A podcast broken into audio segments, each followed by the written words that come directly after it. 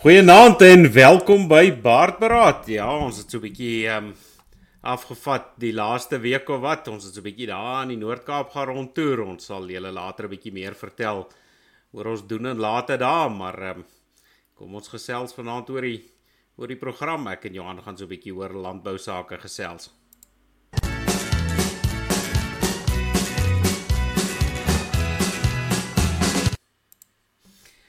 Goeienaand Johan en welkom aan daardie kant van die Vaalrivier.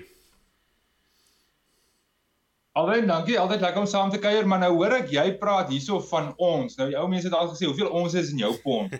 Van ons was Noord-Kaap toe, ons was op die toer toe. Nee, jy jy en jou uh, vrou was Die res van ons moes net jaloers by die huis sit en hoor hoe lekker was die toer gewees. So as die mense daar buite kwaad is, is net vir jou alleen kwaad wees, hoor.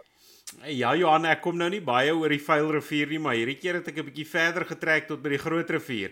Ehm um, so dit was uh ja, dit was nogal 'n ervaring geweest. Ek moet sê ek was bekommerd dat julle nie op 'n stadium weer Duitswes inval nie, want julle ek meen julle saam met do do gloei julle daar af. Ehm um, die versoeking was dalk groot om sommer daar te annexeer. Ja, ek moet sê Johan, ehm um, ons gaan nou vanaand 'n bietjie oor landbou sake praat en ek het nou so 'n bietjie gelees oor die reënval ook en hulle sê nou daar's gedeeltes daar waar ons nou rondgery het wat verlede jaar terwyl ons hierso oormaat reën gehad het, het die manne nie regtig reën gehad nie. En ehm um, ek sien nie weer vooruitsigte vir hierdie jaar is ook nie groot vir reën nie, maar ja nee, as mense in daai deel van die wêreld kom, Boesmanland en ek kan nou nie al daai streke se name onthou nie. Ehm um, jy weet maar so Noord-Kaap op na suidwesse grens toe. Dan um, nee dan haal jy hoed af vir die manne wat daar boer. Ehm um, ek ek kan nie dink dat dier of mens daar kan oorleef nie. Alweer is 'n is 'n harde wêreld. Ehm um, met Chris van Miljoen nog gepraat. Hulle hulle is mos maar in daai geweste en hulle sê dis maar droog. Hy en en ek dink nie hulle het al ooit herstel van die vorige groot droogte nie. Ek dink daar was 'n jaar wat dit dalk so bietjie beter gegaan het. Maar uh, soos jy nou reg opmerk, lyk like my nie ehm um, daar's baie water op pad hier. Ja Johan, ons het ehm um, so ver afgegaan tot daar by Nous. En so klein plekkie ons het daar in die kerkie gaan draai en maar as mens sien daar, joe, nee dan dan al mense hoed af ehm um, vir die manne daar en selfs toe ons daar by die rebellieboom was wat nou in Appington is, weet om die om die rivier lyk like dinge nou redelik goed. Uh, maar jy weet net uh, twee plase verder waar die ouens nou nie water uit die rivier uit kry nie kan jy sien dis droog, jy weet die rebellieboom. Ehm um, hy moet nou al 'n paar somers oud wees as Mani Marits hulle daar kon ehm um, uitgekamp het 109 jaar terug en dan was dit al 'n groterige boom. Ehm um, en selfs daai boom kon jy sien uh, kry swaar. Jy weet een van die uh, plaasbestuurders wat ons oopgesluit het het 'n het 'n drom water agter op die bakkie uh, saamgery wat ons die boom eers water gegee het. Nou as ou so kameeldoringboom, so ou kameeldoringboom sien swaar kry, dan weet jy die water is nie baie nie. Ja, nee. En en om te dink, eh, weet ons ons ons gaan nou af van waaroor ons wou praat, maar die die manne wat daar deur is. Ehm um, jy weet vandag is daar paaie en daar's infrastruktuur en al die klas van goed om om met die voet of met die perd daar deur te gaan in daai hitte ehm um, en sonder water en in die klas van goede dit uh, in die nagte word koud dit moes uh, nie maklik gewees het nie.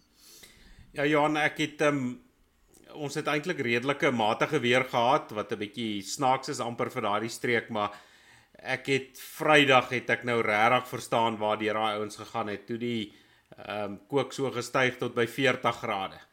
Nou dit is, jy weet, ek het naderhand met my ronde lyfie daar gaan lyk so walrus in die swembad net om 'n bietjie af te koel en dan dink jy daai ouens het gaan ehm um, sonder water vir lang tye getrek en gehoop hulle kry water by die volgende plek.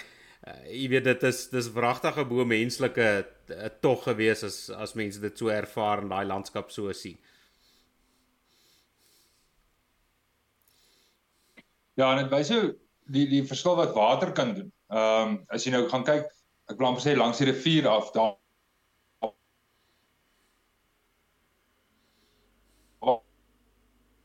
water is hoe hoe hoe te bou dan ewe skielik as jy daai paar kilometer byer gaan dan is daar niks. Ja nee, die een ou maak die opmerking, hy sê jy weet daar langs die rivier is die klomp boere wat ehm um, jy weet stik aan die vettigheid en uh shit. Askies Johan, ek het nou 'n um, ehm, tegniese probleem gehad. Um, ek wil nou sê, jy weet die een ou maak die opmerking, hy sê die langs die rivier is daar die ouens wat stik aan die vettigheid en jy weet net 'n plaas verder is daar ouens wat nou wragtig stoei om oorlewing. Maar as jy nou as jy kyk so teen die ehm um, Groot rivier af, selfs daar van Orania se wêreld af, lyk my die tendens vir baie van die ouens is om 'n klein stukkie teen die rivier te hê en dan 'n groot stuk ehm um, ek wil amper sê veegrond te hê. Ek dink amper daai kombinasie. Maar as jy nou net veegrond het, dan weet ek nie waar gaan jy gaan jy kos maak nie. Ehm um, maar as jy as jy daar 'n stukkie daar teen die rivier het, dan kan jy mooi kos maak en dan kan daai twee so saam kan nogal seker lekker werk. Ja, maar ek praat nou daar, ehm um, jy weet die vrouens wat ons by al hierdie plekkies stop en ons stop by een van die ehm uh, padstalle daar en kyk wat gaan daar aan en ehm um, een van die tannies daar op Kanon Eiland ehm um, toe ek met haar praat, hoe sê sy, weet die tendens is lyk like my daai riviergrond is nou ehm um, al die ouens hier uit die stad uit. Uh jy weet wat nou 'n paar rande ekstra het gaan koop nou daai grond op. Weet net om 'n stukkie langs die water te hê en dan word daar nie noodwendig geboer op die jy weet op op hierdie grond nie. Ehm um, en vir die ouens wat nou daar in die omgewing bly is die grond te duur. Verskoon my om dit te kan bekostig. So ehm um, ja, lyk like my die die ouens in die stad beneek ook maar die dinge lekker vir die boere. Ek wonder in so 'n geval waartoe gaan die waterregte? Ehm um, is dit maar net dormant of uh want op 'n stadium kon jy mos waterregte afstaan of verkoop of verhuur of wat ook al. Ehm um, maar ek wonder in so 'n geval wat is die nuutste wetgewing rondom die die waterwette? Ja Johan, ek is nou nie seker daarvan nie. Maar ons weet mos nou so 'n maand of wat terug of kan dalk 'n bietjie langer wees wat die regering ook mos nou waterregte aan velkleur wou koppel. Ehm um, jy weet die son moet jou mos nou kwaai gebrand het voor jy mag water kry anders mag jy nou nie nie water kry nie. Ehm um, so jy weet ek ek weet nie hoe invloed dit op die manne daar nie. Ja, nee, ek bedoel dit is die hele probleem met landbou op die oomblik. Daar is te veel politiek en te veel raspolitiek wat wat besig is om te gebeur. En ons weet water is lewe. Uh, daar waar jy nou was, is dit nou so 'n pragtige voorbeeld ehm uh, daai rivier hou daai ekonomie aan die gang. As daai rivier nie daar was nie, wat sou daar wees? Niks. Ehm um, dan sou hy gelyk het soos al die ander klein dorpies in die in die in die Noord-Kaap. Maar die rivier het daai ongelooflike plan sê voordeel wat hy tot die ekonomie bring. En wanneer jy daai daai goed nou gaan koppel aan aan rasbehepte wetgewing, dan gaan jy later in moeilikheid vasloop. Ja, Johan, het so gepraat nou om die om die rivier. Dit sluit eintlik lekker aan by ons praatjie vanaand. Ehm um, die staat het nou in in in die in gas, jy weet die grootste Afrikaanse Sondagkoerant het hulle nou gesê dat uh jy weet die uh jy weet die, as jy nou nie donker is nie, dan mag jy nou nie uitvoer nie. Um en hulle dit so stil stil gepubliseer in die staatskoerant so aan die einde van ek dink die einde Oktober en die 1 November en um wat hulle basies daar sê is dat jy weet die ouens moet voldoen aan swart ekonomiese bemagtiging voor hulle kan uitvoer na die Europese Unie en na Brittanje en dit sluit nou goed in soos botter. Ek weet nou nie hoeveel van ons uh, suiwel word noodwendig uitgevoer nie. Ek dink ehm um, as ek dit nie mis het nie, weet ek ons was op 'n stadium eintlik 'n netto invoerder van suiwelprodukte, maar ehm um, jy weet dit sluit in vrugte en uh, tafeldrywe en al die verwante kon jy weet alles wat omtrent van vrugte gemaak word. Ehm um, so dit dit gaan 'n enorme impak hê op boere wat wat afhanklik is van uitvoere om aan die lewe te bly. Alwen ja, daarso in daai artikel, ek dink so die laaste paragraaf iewers ter staan daar, um, Agri SA wil nog eers iets bestudeer voordat hulle antwoord gee. Ek wonder of hulle nou al klaar gebestudeer het en of hulle al 'n antwoord gegee het. Uh, maar dit dit is my skokkend om te dink dat die landbouorganisasie dan met die meeste lede in Suid-Afrika nie bereid is om om hulle hulle kop op 'n blok te sit en te sê maar hier is 'n probleem nie. Hulle wil nou eers goed bestudeer. Ehm um, so ja, dit was my my interessant uh dat Agri SA nie eers iets gesê het nie. Johan, ek dink ek was ek was maandagooggend was ek wild geweest. Ek was regtig uh, jy weet ek het uh ek het regtig gevoel iewers moet iets gebeur. Iewerster moet die boere ehm um, ek wil amper sê terugslaan of terugstaan of opstaan of iets doen. Ehm um, ek weet nou nie of my of my sein deurkom daar na jou toe hier aan my kant lyk hy redelik stil.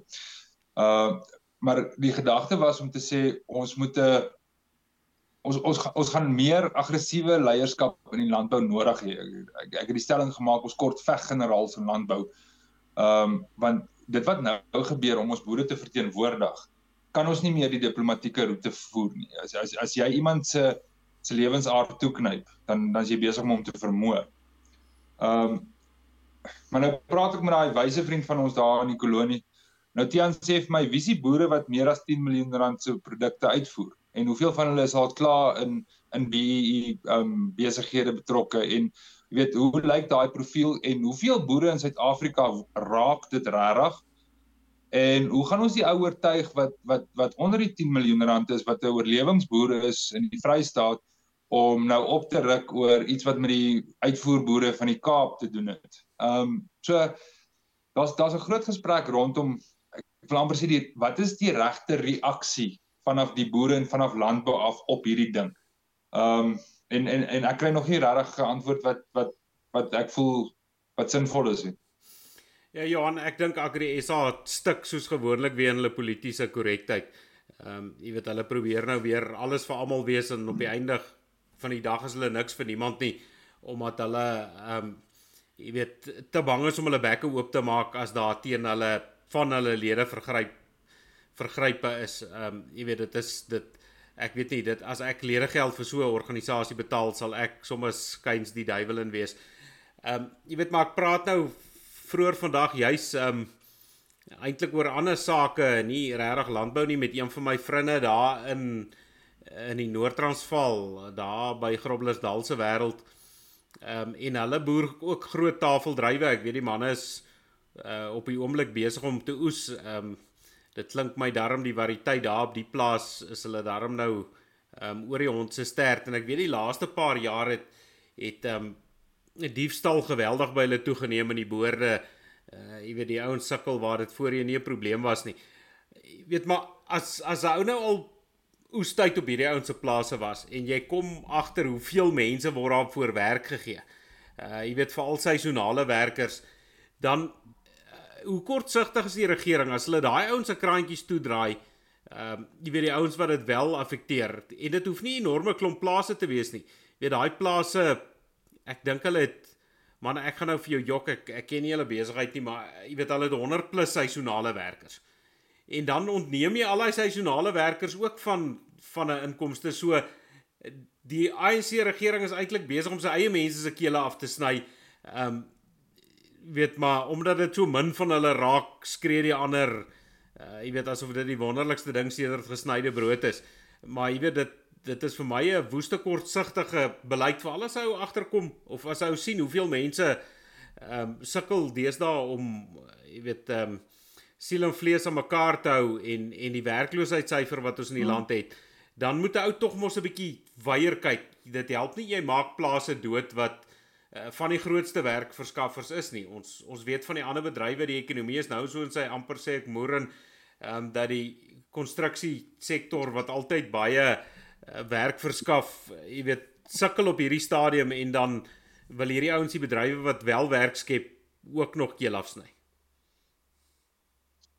Alwen om om om die ek wil amper sê die verneinigheid van die regering te verstaan, hoef jy nie eers so ver te gaan as om te gaan kyk na die impak wat dit het op hulle mense nie. Ons weet hulle gee niks om vir die mense nie. Of jy wit of swart is in Suid-Afrika, die regering voel vir jou niks nie. Maar laat hulle so verneinig is om hulle eie, hulle wat die ANC regering is, wat die korrupte spil is wat die geld steel, sy eie kraantjie toe te draai. Want hoeveel belasting is daarop uitvoer? Hoeveel belasting kom in met daai transaksies en en en dis buitelandse uh jy weet transaksies so dit is tot voordeel direk van die regering en van die belastingkas en nou wil hulle dit onder druk gaan sit. Ehm um, jy weet dan lei daar vir my klokke en daar gaan gevaarligte aan want as jy as jy soveel haat in jou het of so verneig is om hierdie boere te knyp dat jy selfs jou eie inkomste, jou staatskas inkomste, dit wat daai kas waaruit jy steel, uh sal dit minder word. Jy weet, wat is jou agenda dan? Uh jy weet hoe hoe hoe werk dit dit uit? Ek weet nie. Ek ek gaan dit sê en, en ek sê dit al die laaste paar jaar. Landbou het al die antwoorde vir Suid-Afrika om die land om te draai. Ons het die die regte uh kennis, vaardighede, infrastruktuur, netwerk, alles is daar. Ons het die ons het die grond, hier's genoeg mense wat werk soek. Landbou kan Suid-Afrika omdraai en kan vir al hulle probleme oplossings bied. En 'n land wat oorvloedig is in kos en werksgeleenthede kan van daar af bou op al die ander industrieë.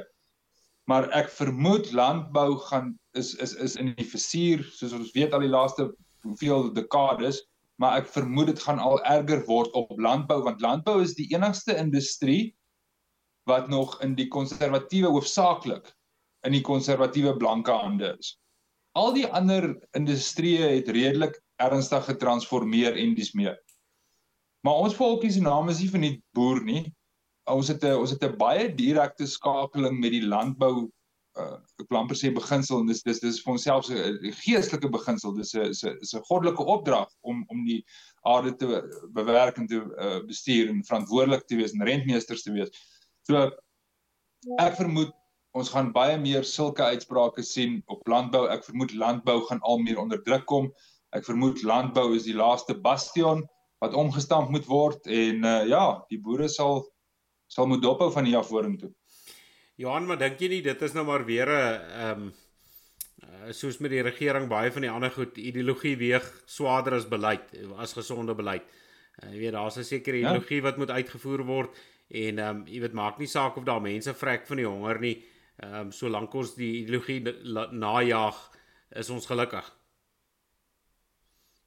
Absoluut. Dit dit is dis 'n agenda wat gedryf word. Man, alwen as jy die land wil help, nê, nee, vat al hierdie uh grants weg of sit die grants om in 'n in 'n in 'n in 'n kupon vir landbouprodukte wat in Suid-Afrika vervaardig is. So in plaas van om die geld te gee sodat daai geld gespandeer word op Chinese chargers en ehm um, Hong Kong tekkies en kos wat ek sien deesdae koop hulle by hierdie ehm um, kiosk uh, kos en dan is daar allerlei snaakse goed in die in die kos. Want een of ander buitelander gooi sand in die baba kos of wat ook al. In plaas van al daai gemors gee hulle 'n kupon dat hulle kan vars groente en vrugte en vleis en melk en meel koop by die boere of gaan koop dit in bulk by die boere. So nou ondersteun jy jou landbousektor. Wat beteken dit? Dis 'n groter aanvraag vir produkte in die landbousektor.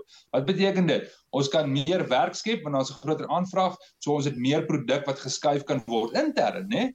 So dis miljoene rande wat ons in ons eie gemeenskappe ons het 'n in plaas van die ou mense wat nou al hierdie swak kos moet eet, kan hulle oordentlike gesonde boere kos eet wat ek beloof vir jou teen goeie pryse kan gegee word En en net daaroor help jy die ekonomie, jy skep werk en jy kry hierdie mense gesond.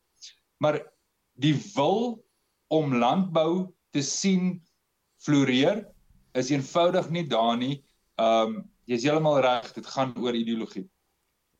Ja Johan, ek en jy gesels ons voor die program oor een van die manne wat saam met ons op toer was en hy boer daar ook in die kolonie met skaap en hy het nou juist gesê hy um is was nou van plan om maandag te begin skeer, maar toe vertel hy nou van die wolprys, hoeveel persent is die wolprys af? Uh hoeveel persent is die vleisprys af vir die man ehm um, weet is redelik op datum. Hy sê brandstof is soveel op en uh arbeid is enorme weet 34%, ek kan nou nie onthou nie, hy het nou elke persentasie daar opgesit. Ehm um, en dan is hierdie boere nou al klaar 'n koste knyp dan. Jy weet soos soos Die dinge is op hierdie stadium sukkel die boere om kos bo water te hou want die insette ehm um, is baie meer as wat dit is wat hulle vir hulle produkte kry en dan uh, weet kom die regering met met sulke belaglike ehm um, aankondigings. Jy weet dit is so asof asof hulle nie bekommerd is as die plase bar lê nie. Jy weet nou wat vir my snaaks is is dit dit het nou juist op vrugte van toepassing. Jy weet een van die grootste plase ehm um, sitrusplase in die land was gegee aan 'n swart ekonomiese bemagtiging en ons weet Siberia daar in die Noord-Transvaal die bome is vir brandhout gebruik en daai daar was nie 'n trekker meer nie en die plaas is nou heeltemal tot nul. Um, hy voer nie ek wil nou nie sê hy voer nie eens een lemoen uit nie. Hy ek dink hy produseer nie eens een lemoen om lemoen om plaaslik geëet te word nie.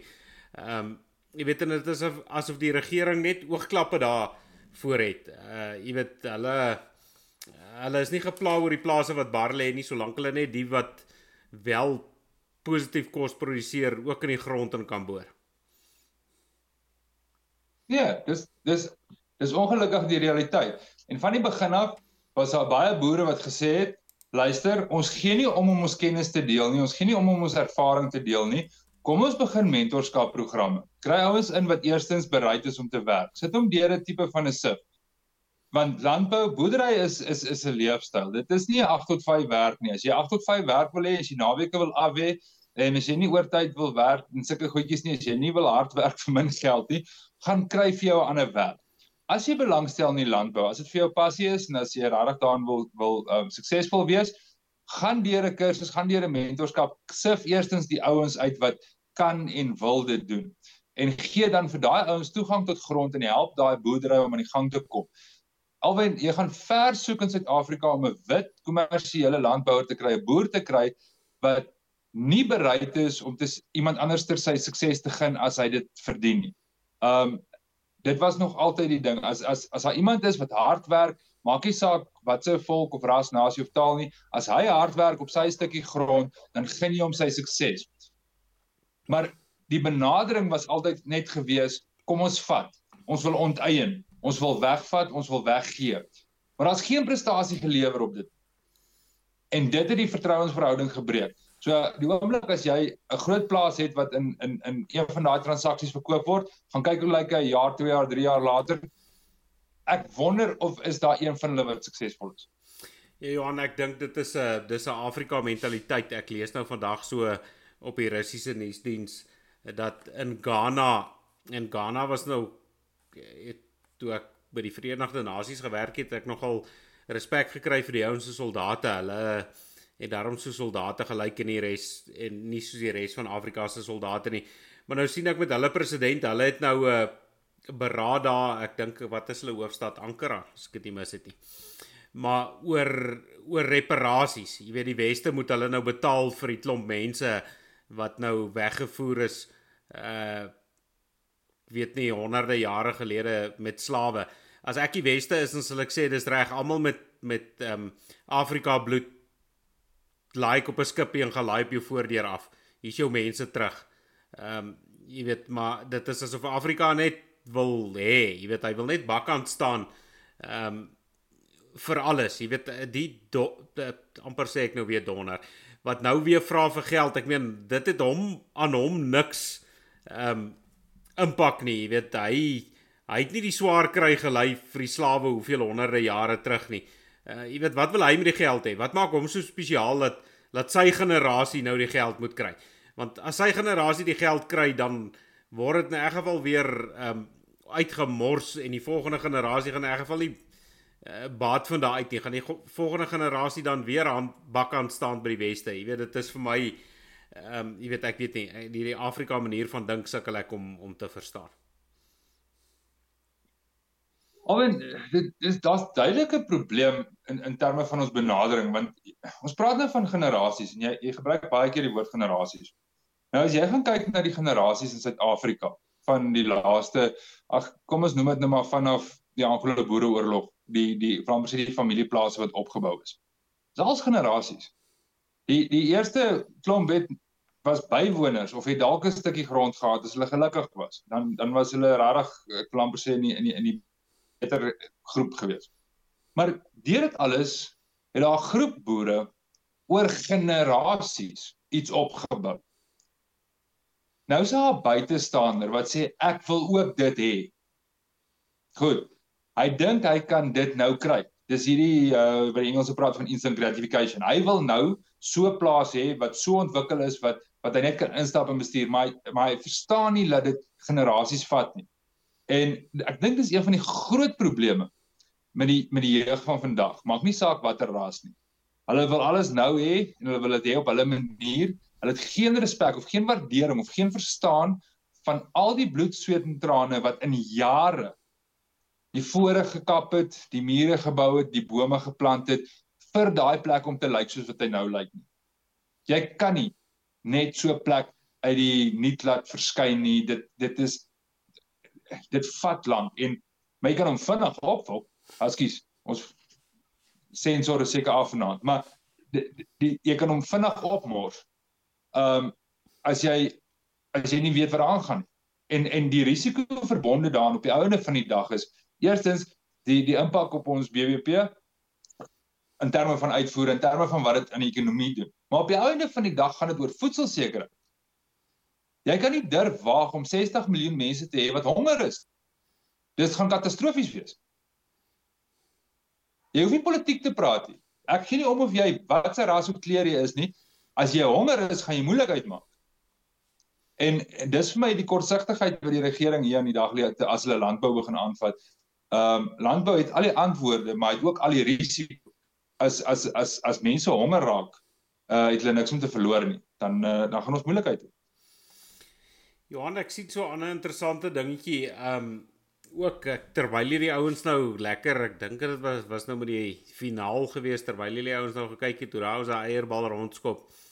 Ehm um, en die ouens het nou lekker gekuier toe was hulle nou nie heeltemal so waaksaam op die plaas nie. Nou sien ek hier Neffens my in die Wes-Transvaal. Ek is nou so amper op die grens van die Wes-Transvaal. Ek is nou net aan die uh, meer aan sentraal-Transvaal se kant, maar ehm um, hier by Derby wat ag hy hy so 100 km hier van my af. sien ek het hulle nou ehm um, met die Wêreldbeker finaal daar rondom toe die ouens so lekker gepartiekie het. Toe praat hulle van ek dink is is dit 5.5 ton saad wat gesteel is by 'n plaas. En nou 5.5 ton saad is 'n is 'n paar sakkies saad. Weet jy, weet jy hoeveel duisend rand is daai? Johan, ek sou graag wil weet. Ja, ek het nou nie som gemaak nie want dit is nou mos moeilik, jy weet, ehm um, dit hang mos nou af watter weer wat die tyd dit is en of dit nou ehm um, jy weet of dit nou party van die GM goede is mos nou oorduur. Ek weet nie eens wat kos die mielies nie. Ek het nou lank plaas self mielies geplant hier by my. Uh maar jy weet die laaste keer wat ek by was toe toe jy beslis nie daai sakkies in in honderde rande getel nie, jy het in duisende rande per sakkie betaal. So dit moet 'n uh, ehm um, jy weet dan is dit nou 25 kg sakkies. So ek ek weet nie hulle sê nou nie in die artikel hoeveel hoeveel rand se saad dit is nie, maar dit moet 'n enorme klomp rande se saad wees. Alwen my vraag is en ons het ook vroeër hieroor gepraat. Wie plan daai milies? Waar toe is daai milies? Want jy steel nie iets as jy nie 'n mark het vir hom nie. Nou, daai is baie hektare se se saad. Waar staan daai milies? Want iewerster in Suid-Afrika is daar 'n ou wat onder die naam boer gesteelde milies plant.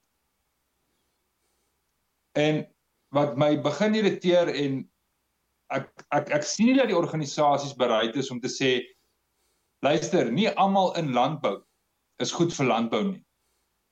Hierso is het sy mense, individue, entiteite, besighede, groepe, organisasies, noem dit wat jy wil wat besig is om profijt te maak op 'n onwettige manier en of op 'n onetiese manier uit die landbousektor. Maar die landbouorganisasies is almal te versigtig en te diplomaties om hierdie ding aan te spreek. Ek ek het nog nie 'n media verklaring wat gesien wat gesê het, luister, party van julle boere is blerry skelm. Want ek sien nou vir jou iewers daar is daar 'n blerry skelm boer wat daai wat daai mielies gekoop en geplant het en dis daar dit sal nie net een wees nie. Maar ons is ons is te versigtig en te bang om hierdie goed hardop te sê. Uh nie dat alle boere skelm is. Dit is glad nie die punt nie. Maar hierdie ouens kruip weg agter hierdie ek wil amper sê liefde of simpatie wat ons het met die term boer. En dan het hulle 'n vrypas want niemand is bereid om hulle aan te spreek oor hulle onetiese gedrag nie. Uh en dan moet 'n gesprek daaroor kom. En die en die landbouorganisasies, landboubesighede, die rolspelers, die leiers binne in landbou moet hieroor begin praat. Want niemand praat daaroor nie. Niemand sê maar kerels, wat is die aandeel van 'n boer in die ondergang van sy buurman? Het hy 'n verantwoordelikheid teenoor sy gemeenskap? Het hy 'n verantwoordelikheid teenoor die landbousektor in die breë? Het hy 'n verantwoordelikheid teenoor die verbruiker? En as hy nie daardie verantwoordelikheid en sy plig nakom en eties optree nie, hoe gaan ons dit hanteer? Dis ja, ek dink is 'n is 'n gesprek wat voorlê. Ja Johan, ek sien nou hulle 'n reken is nou 'n 'n syndikaat wat agter hierdie ehm um, diefstal sit, maar ek dink jy jy som dit reg op. Jy weet daai mielies, so klomp mielies is beslis nie mielies wat om 'n shack geplant gaan word nie. Ehm um, jy weet of wat 'n uh, uh, om 'n paar shacks geplant te word nie. So jy sê dit is dis baie baie hektare se saad wat ehm um, wat daar is. So dit daar moet 'n ou wees wat nou dink hy koop 'n winskoop en hierdie is nou 'n groot ding so saad, maar ek dink dit is dit strek weier. Ehm um, jy weet hier by ons sit daar ehm um, klonkie so langs die groot pad en dan verkoop hulle een oestyd verkoop hulle sakke mielies.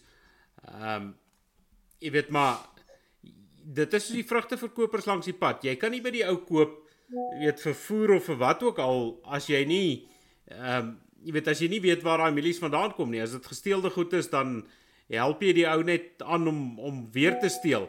En nou is dit is dit lekker weer om 'n uh, ehm um, jy weet vir korttermyn gewin, maar wanneer gaan hulle daai mielies wat jy nou geplant het, gaan hulle kom oes? Jy weet dan wil jy nou lank krokodiltrane huil as dit aan jou bas vat. Uh jy weet maar jy jy's jy gee nie om vir jou medeboere as jy dit goed aankoop nie. Ehm um, en ongelukkig ek ek dink jy's jy slaan die spyker op die kop. Ongelukkig is daar sulke ouens in elke omgewing wat ehm um, hy gee nie die 'n date om vir die ou langsom nie net so lank hy op die kort termyn kan kan geld maak. Ehm um, en ek dink dit is 'n probleem in landbou. Ek dink dis 'n dis 'n probleem wat moet moet uitgesorteer word.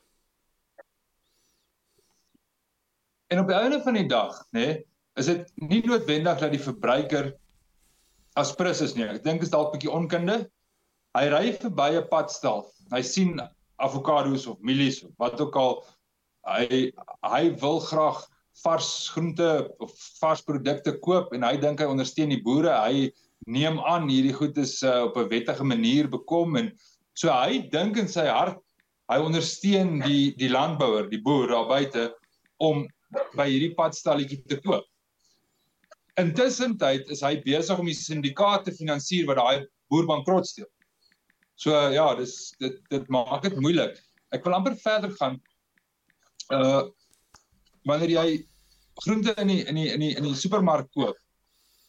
Weereens, koop jy dit by 'n etiese boer, uh iemand wat verantwoordelik is in sy omgewing en in daai beginsels waarvan ons gepraat het of koop jy dit by 'n landboubesigheid? Um wat ek wil amper sê geen verantwoordelikheid het teenoor sy gemeenskap, sy werkers dalk of jy weet hoe hoe lyk die proses agter daardie groente? Is dit want ek sal wil weet want ek sal eerder iemand plaaslik ondersteun wat self werk en wat wat wat sy eie produkte het en dit is dis dis 'n uh, ek wil amper sê dis 'n etiese proses wat plaasvind en en 'n paar sent meer betaal as wat ek 'n groot nasionale besigheid ondersteun wat heel moontlik internasionale aandeelhouers. Ek ek wil hulle nie ondersteun nie. Ek wil ek wil die die die boer ondersteun. Um en ek dink daarom moet moet moet inligting meer beskikbaar wees veral in jou in jou ek wil amper sê jou jou groot winkels, jou groot handelwinkels. Laat ons weet by wie koop ons. Laat ons weet as daai produk daar is of of of dit 'n etiese proses is of gaan die geld ten minste in in in ons area bly of in die landbousektor bly en of gaan daai winste na een of ander aandeelhouer uh, wat nie eens in Suid-Afrika sit nie. Ja Johan, ons het nou vroeër vandag toe ek net so 'n bietjie gesels het en ek ek dink dis 'n interessante punt. Ehm um, jy weet die punt wat jy gemaak het dat nie alle boerderye is ehm um, is boere nie. Jy weet baie van daai boerderye is is maatskappye en baie van daai maatskappye is 'n uh, aandeelhouers en selfs eienaars sit oor die water en hulle is nie geplan nie. Jy weet dit is nou so die Engelse met die goud en die diamante by ons. Solank daai goed uit die grond uitkom, is hulle gelukkig en hulle kyk net na na die ehm um, as die Engelsman praat die bottom line, jy weet, vir hulle gaan alles oor rand en sent en hy's nie, jy weet, hy het geen gevoel vir die plaaswerkers wat daar werk nie. Ehm um, jy weet, ons weet ons boere kyk na hulle werkers en en ehm um, kyk na die welstand van die werkers. Ons het veral met die geelgriep gesien. Die ouens het regtig agteroor gebuig om om die plaaswerkers ook in die gang te hou, maar die groot maatskappye, hulle gee nie 'n date om nie, jy weet, um, sodra daar nie meer wins gemaak word nie, uh, jy weet, uh, laat hulle alles ten gronde gaan en hulle druk hulle vingers in 'n ander bedryf en wat hulle dalk meer kan kan geld maak. So dit is nie vir hulle dit gaan nie vir hulle jy praat oor plase wat oor generasies gebou is. So daai ouens het geen waardering of geen ehm um, uh, wat is die wat is die woord wat ek nou soek? Ehm um, jy weet hy hy hy voel niks. Hy's nie gepla oor wie voor hom daar op die plaas was nie. Uh jy weet terwyl 'n ou wat op 'n plaas tweede, derde, vierde, vyfde geslag plase jy weet maak daai ouens woeste planne om op die grond aan te bly want hy is um, hy het 'n verbintenis tot daardie stukkie aarde. En um, ongelukkig vir die groot maatskappye uh, jy weet hulle voel niks en hulle koop baie keer die plase van van die boere wat regtig iets voel meer kop bo water kan hou nie. Al vir die vir die term megaboer, nê? Nee? Baie van die gesprekke wat opkom wat, wat ek na luister gaan oor hierdie idee van megaboer. En ek dink daai term moet opgedeel word, opgebreek word of meer spesifiek uitmekaar uitgetrek word.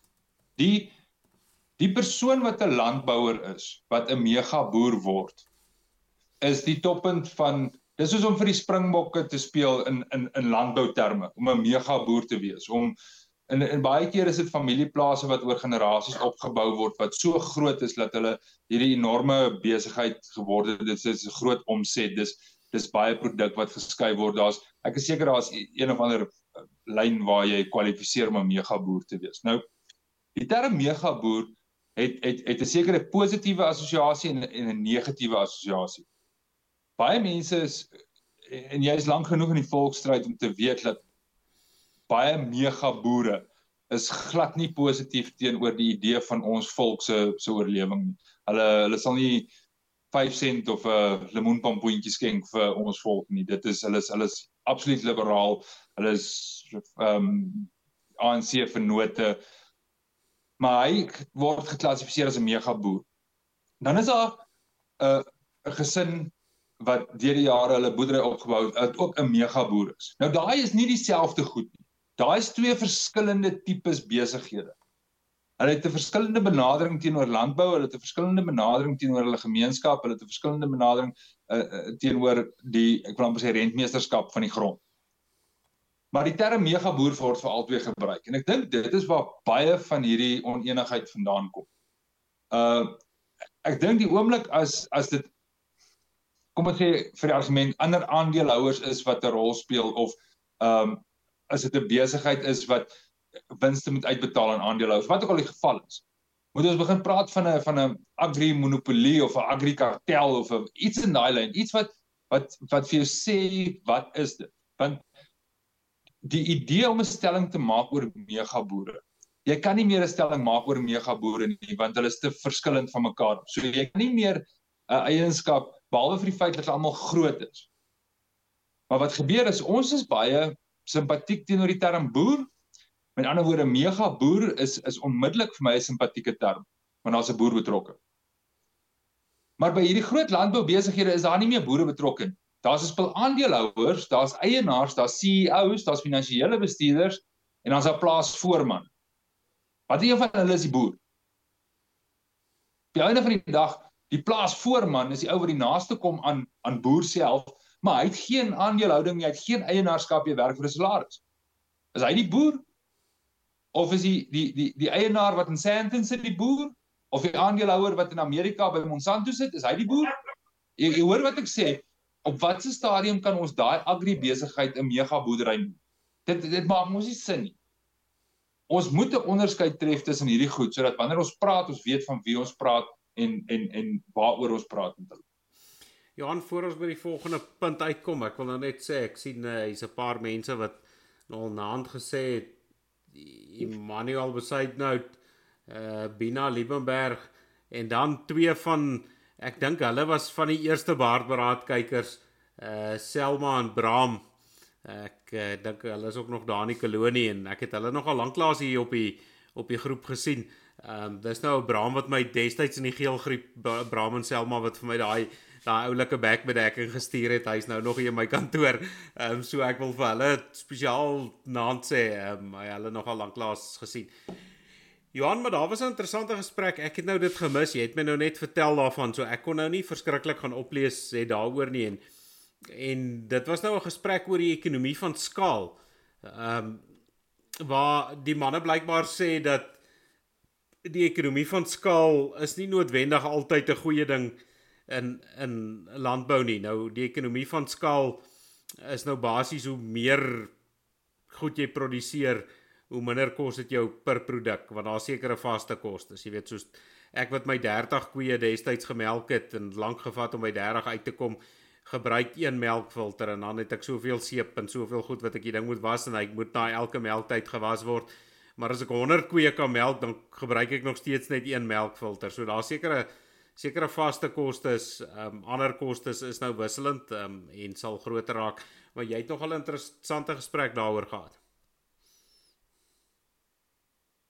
Ja, voordat voordat ons daarvan praat, jy praat oor nou van die die, die kostes van hoe groter jy gaan, hoe goedkoper word dit.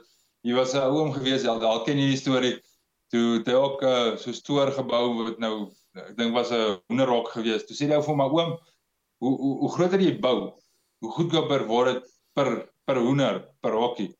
Toe sê hy, "Boetie, bou hom so groot dat hy verniet is." Ehm um, maar Maar dis nou net so net 'n bietjie op die grappie. Die die die gedagte van die ekonomie van skaal is is iets wat ek wil amper sê 'n uh, eh, kind is van van ons kapitalistiese obsessie. En dit gaan oor jy moet altyd groter gaan om te kan oorleef. Daai ding is in die landbou ingedruk en ingeprent en en en die 'n klomp landbouers het ingekoop op hierdie idee van as ek nie grond bysit nie, as ek nie my boerdery vergroot nie, as ek nie aanhou om nog hektare te kry nie, ehm um, gaan ek nie byhou nie en gaan ek agterraak en gaan ek tot niet gaan. So die idee van die ekonomie van skaal het 'n klomp ouens gedryf om groter en groter te gaan. Baie van dit was gewees hoe noem jy dit nou horisontaal met ander woorde hektaar gewys hy hy het geglo hy moet elke jaar 'n plaas bykoop om nog hektare by te sit die argument op die tafel oor ekonomie van skaal is dat jy op 'n sekere punt 'n tipe van 'n optimale uh posisie bereik in terme van jou risiko teenoor die kapitaal en teenoor jou bates en dat die oomblik as jy groter as dit gaan word jou risiko so groot jou bestuur word al moeiliker in in jou geval sal dit wees kom ons sê jy het nou die, of jy nou 30 of 100 melk, het jy nou, nou nog steeds net een nodig. Maar die oomblik as jy kom ons sê by 100 102 beeste kom, gaan jy nou die tweede een kry. So nou is die vraag eh, is jy dan nou weer terug op 56 per eenheid. Jy hoor wat ek sê.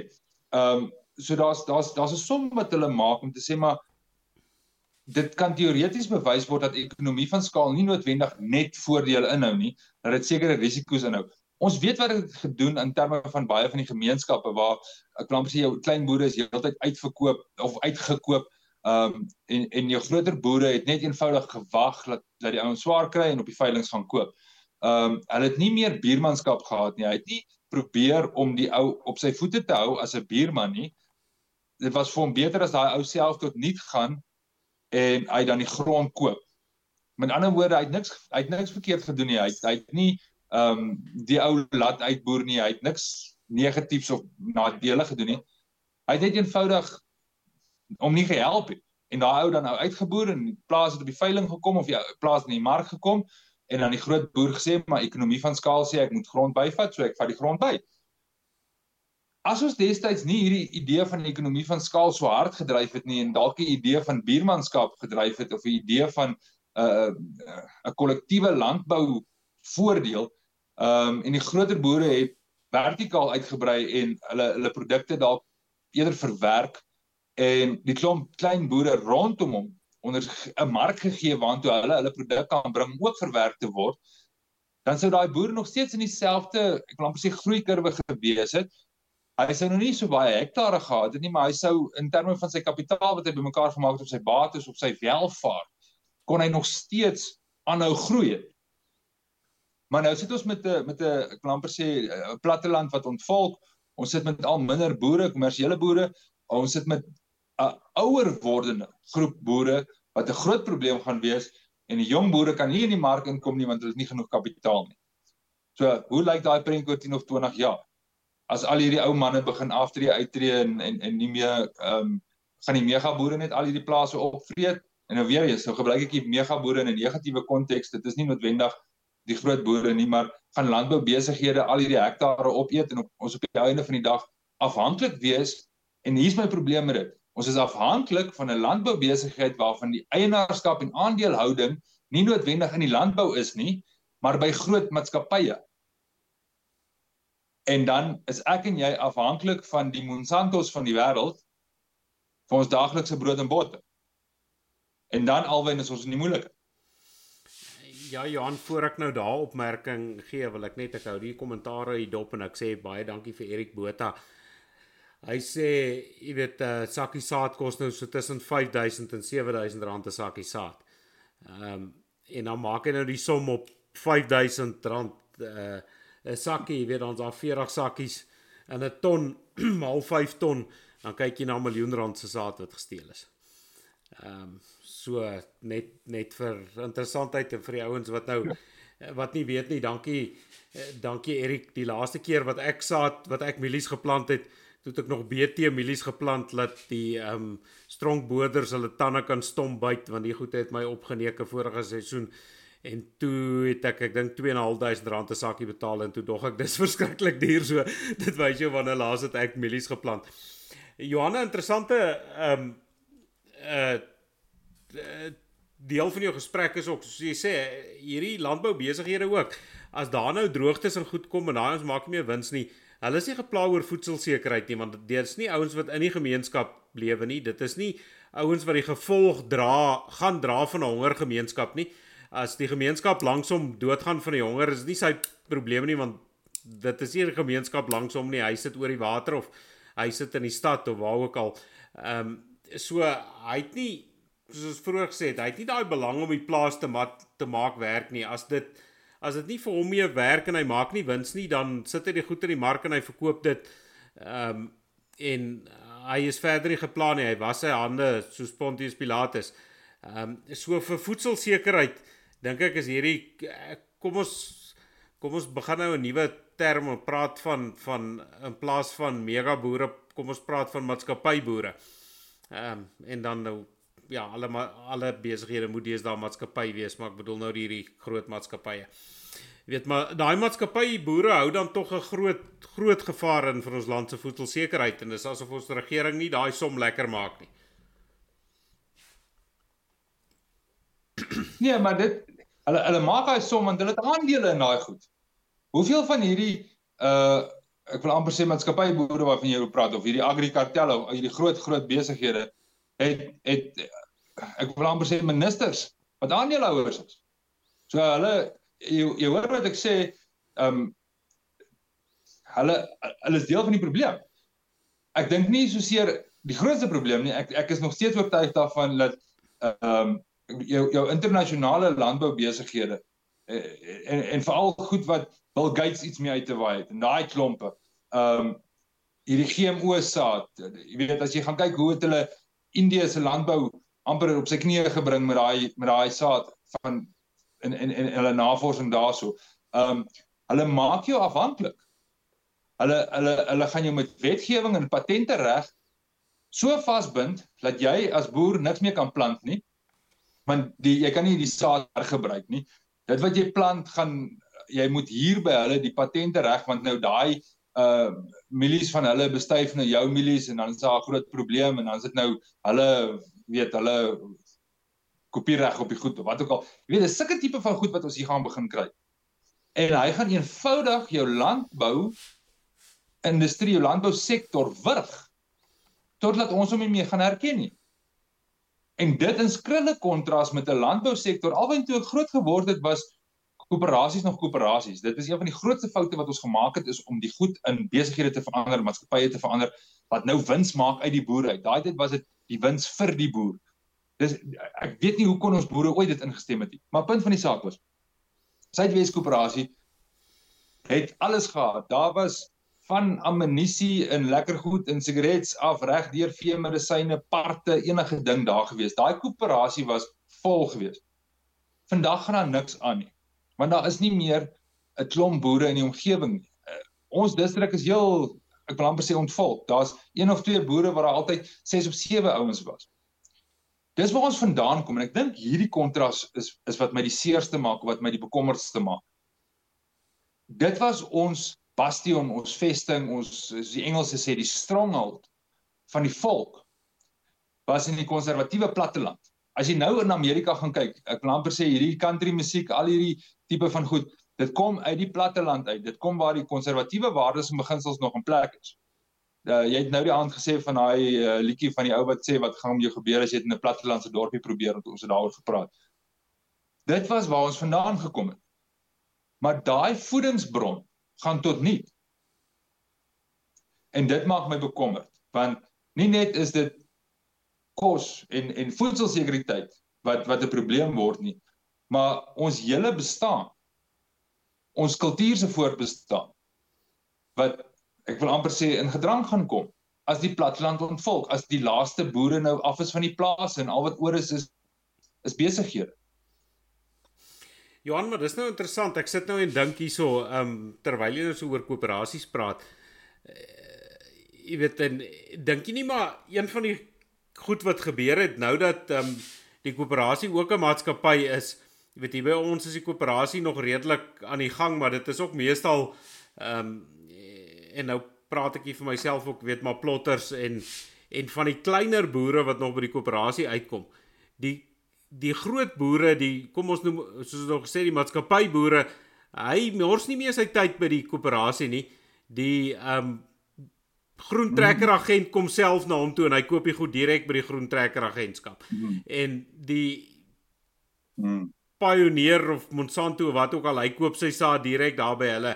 Hy deel nie meer met 'n koöperasie nie so waar die koöperasies voorheen daai ehm um, bedingings mag gehad het het het hierdie maatskappy boere is nou so groot dat hy sy eie bedingings mag het, maar as jy sê hy's nie gepla oor sy buurman wat nou ekstra moet betaal, ehm um, jy weet vir sy goed by die koöperasie nie, want dan gee dit die groot ou nog 'n voordeel want laat die klein ouetjie nou nog ekstra moet betaal met die koöperasie wat sy uh, wat sy wins moet maak so dit dit sit die klein ouetjie al klaar weer in 'n in 'n slegter posisie en maak hom minder kompeterend. Ehm um, en dis 'n manier hoe jy die klein ouetjie maar weer wurg.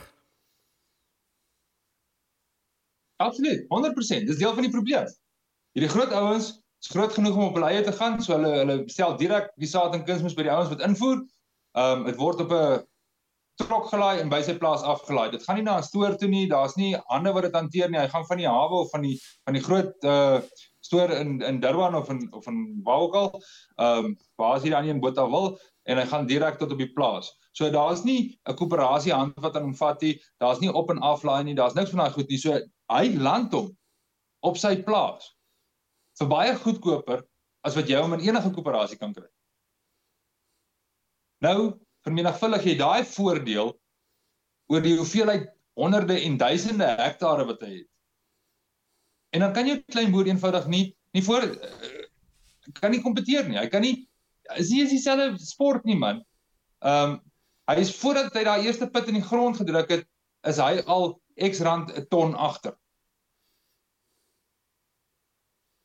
En ons het nie genoeg ek wil amper sê klein en middelslag boere om 'n nuwe generasie eienaars te kweek in Suid-Afrika nie. Grondeenhede is te duur, daar is nie finansiering nie. Daar's landbank ook en ons het dinge in ehm um, daar is nie groot genoeg finansieringsmodelle nie. So as jy nie erf nie uh, omdat dit 'n familieplaas is nie of 'n werk het in die stad sodat jy dit kan finansier as jy groot genoeg salaris het nie of jy wil die lotto wen nie kan jy nie 'n eienaar in die landbou word nie En dis die probleem. Ja, Johan, ek sien ons ehm um, Ja, die tyd stap ook stap ook redelik aan, so ons sal seker moet begin afsluit. Ehm um, nou wil ek vir jou nou 'n staaltjie vertel van my met die koöperasie, man. Ek uh, my krywa was nou so afgeleef en ek besluit toe vir my ek sien by die koöperasie verkoop hulle nou 'n krywa wat nou 'n ehm um, 'n lekker wiel op het, maar omdat um, die ding nou hierso met wit krag gestoot moet word, besluit ek daar's nou een wat redelik lekker is, maar hy het so kom ons sê so mini trekker wiel op, maar nou 'n rubber ding met 'n met 'n binneband en ek besluit nee, die ding gaan nou lekker stoot. Ehm um, lekkerder stoot as die ander ding en ek koop toe vir my die wiel of die uh amper sê ek nou trekker. Ek kan nie trekker bekostig, ek kan net 'n krywa bekostig, maar koop dan vir my die krywa. En so eendag ehm um, is ek besig in Afrika moet die ding gebruik en die eerste keer wat Afrika die ding gebruik neek hy die ding op en daar gaan staan kry ek nou 'n papwiel op 'n op 'n ehm um, krywa. Ek het nou nooit gedink ek gaan 'n krywa papwiel kry nie. Maar nou gaan ek koöperasie toe. Nou sê ek kerels ehm um, ek soek nou 'n binneband vir hierdie ding. Nee, hulle verkoop nie binnebande nie. Ek sê maar my genadetjie tog. Ek dink nou nie ek het daai woorde gebruik nie, maar kom ons volstaan nou daarmee. Ons was nou redelik los vanaand. Ek sê maar my genadetjie tog, ek het die ding by julle gekoop. Hoe verkoop julle nie onderdele vir die ding wat julle verkoop nie? Bel die ou wat julle by gekry het en kry vir my 'n blerry binneband. Bestel die ding. Ek soek 'n binneband. Ek wil my wiel regmaak. Lang storie kort, kom daar die ouens jy weet bel nie terug hier toe ek weet daar kom ek sê hoor jy het julle nou al die ding opgespoor nee uh, die ou het nou besluit hulle maak dit nou nie meer so nie want die en daai ek moet nou 'n ander wiel koop vir die ding ek sê man as ek 'n ander wiel gekoop het sou ek oorspronklik die blerry krywa gekoop het wat die ander wiel opgehaat het om mee te begin so ek het nou wragtig nie gedink laat 'n krywa met 'n pap wiel by soveel ergernis gaan besorg ja wys jou Ehm uh, jy weet as as daai stemmetjie vir jou in jou kop praat en en en jy wonder of jy 'n ding moet doen, los dit maar eerder. Jy weet nou, ehm um, ek het nie vir daai stemmetjie geluister nie. Ja, nee, is ook nou eerste keer in my lewe dat ek hoor 'n man sukkel so om te kry waar wiel. Ja, ek ek weet nie, ek sal nou nog 'n plan moet maak. Ek het nou van 'n ander goede gekoop want nou die ding hier by die ehm um, Wat is 'n goeie Afrikaanse woord vir welf? Dis nou waar die waar die ander binneband nou geskeer het. So jy kan nie, jy weet jy kan nou nie die ding, dis nie eens op die op die binneband self dat mens die ding nou net kan ehm um, jy weet die die ou tyd se patch and solution opsit. Nee, jy weet nou nou sê so in sy dinge en so ek sê maar vir daai goeie inspuit wat so hard word, dan kyk ek of ek kry wat dan nog wil loop, maar ehm um, so nie sal ek seker nou maar 'n gewone krywa wiel in die ding moet sit. Nou weet ek hoekom met die ou boere die eysterwiel kry waans gehad want niemand kan hom opneek nie en daar kan niks fout gaan met die blerry ding nie. Uh, die ergste wat kan gebeur is dat die laar kan sluit. Ja, maar as hy as hy ver genoeg sly dan begin hy sommer sy eie bus hardloop, moenie worry daaroor. ja nee, maar Johan, ek um, is nie van plan om hom so baie te stoot nie, moet ek nou eerlikwaar sê. miskien nog miskien 'n paar jare terug, maar ek dink ek dink ek ek stoot daai ding nou wragtig net uit selfverdediging uit. Nee, maar daai Japaneese voort nader trek is 'n pragtige groot raak, hoor. Ja, nee, wragtig. Johan, maar baie dankie vir die saamkuier. Dit was weer lekker om met jou te gesels. Alwen, dankie. Uh is lekker om jou terug te hê en uh lekker gekuier en ek ek wil nog op die einde van die dag net afsluit met met die een gedagte. Vir al die landbouers daar buite, vir elke boer wat verantwoordelikheid staan teenoor sy gesin, sy omgewing, sy mense, sy gemeenskap, wil ek net sê sterkte en en en dankie vir wat julle doen onder moeilike omstandighede. Ek uh die die jy weet 'n onderwerp soos hierdie is baie maklik trappe op tone en en en jy dit dis 'n dis 'n sensitiewe area is is, is maar uh, landmyne oral maar my my my hart is regtig by by die boere wat moreel en en hulle Christelike plig uitoefen om rentmeesters te wees en en om by te dra tot hierdie land en en en sy omgewing. Ehm um, ek dink net daar's daar's ouens wat dit misbruik en ek dink dit moet ook uh, weet op die tafel gesit word. Ehm um, ek dink nog steeds landbou het al die antwoorde en ek hoop regtig daar's daar's uitkoms um in die natuur van bo af met reën maar ook in in terme van die sê sosio-ekonomiese politieke omstandighede wat ook al en dalk net uh iemand 'n paar mense wat dalk namens die boere regtig kan kan opstaan en in in regtig sê wat gesê moet word. Dit is my hoop vir vir ons landbouers. Ehm uh, maar ja, dankie Alwyn, altyd lekker om jou te kuier. As ek dankie Johan, ja, ek wil ook sê vir die mense wat daar in die Noord-Kaap boer, ehm um, ek het nou my oë nou oop gegaan 'n week terug. Julle mense is spesiale mense. Ek uh, ek kan nie dink hoe mense hier daar uithou in daai wêreld nie. Ehm um, en nou besef nie altyd as 'n ou hier sit, dan dink jy dis droog by jou en dis moeilik by jou en uh en jy my oë het oop gegaan so vir al die mense daar in die Boesmanland en omgewing. Ehm um, julle julle spesiale mense. En as dit van my kant af soos ouer gewoonte, alles van die beeste en groente op die plaas.